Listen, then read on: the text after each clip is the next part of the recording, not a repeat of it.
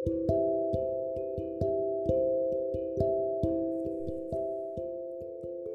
semuanya, kembali lagi di podcast Jelajah Klasik bersama saya Nurul.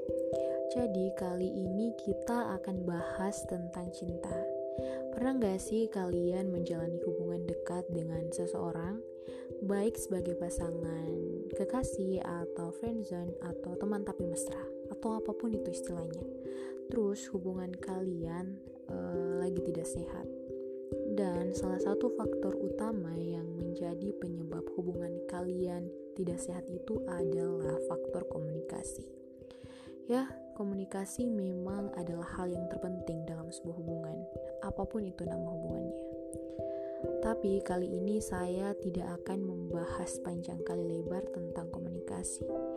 Saya hanya akan membacakan tulisan saya yang mungkin dapat mewakili perasaan teman-teman semuanya tentang hal tersebut. Oke, jadi tulisan ini saya tulis di Januari 2020. Judulnya itu tentang kabar.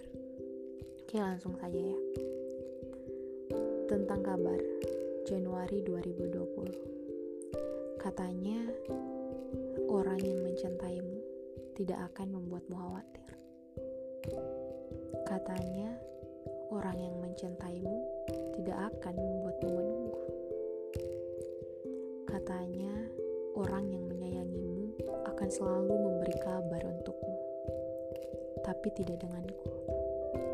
Katanya, dia mencintaiku, tapi komunikasi dengan dia harus nunggu jeda berjam-jam. Berkabar pun tak ada. Menceritakan kegiatannya pun juga tidak sama sekali. Hati ini berat menerima. Tapi pikiranku selalu saja membuat pembelaan. Mungkin dia sibuk. Dia bersama teman-temannya. Dunianya bukan hanya tentang kamu, bukan? Dia punya teman-teman sebelum mengenalmu. Kataku berusaha meyakinkan hati. Ingin membom chat, tapi takut dikira bucin. Ingin memperingatkan, tolong berkabar, takut dikira mengekang. Aku tidak ingin membuat dia terkekang. Bukankah hubungan dengan penekanan adalah ego?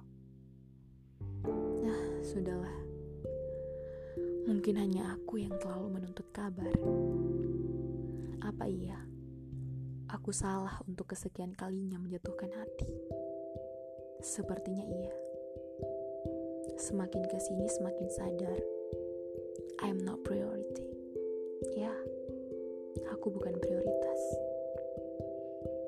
Sudahlah, tidak ada yang perlu disesali di sini. Tidak ada yang salah. Yang salah hanya hatiku yang terlalu ingin dimengerti. Tidak usah marah. Tidak usah kecewa. Itu keputusan yang telah kau ambil. Tidak usah cengeng. Kau pernah lebih sakit dan lebih tidak dihargai dari ini. Oke teman-teman, itu adalah tulisan saya. Semoga terwakilkan ya. Dadah, see you in the next episode.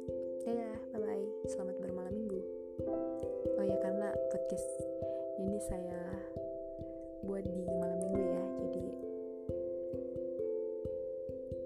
apa sih?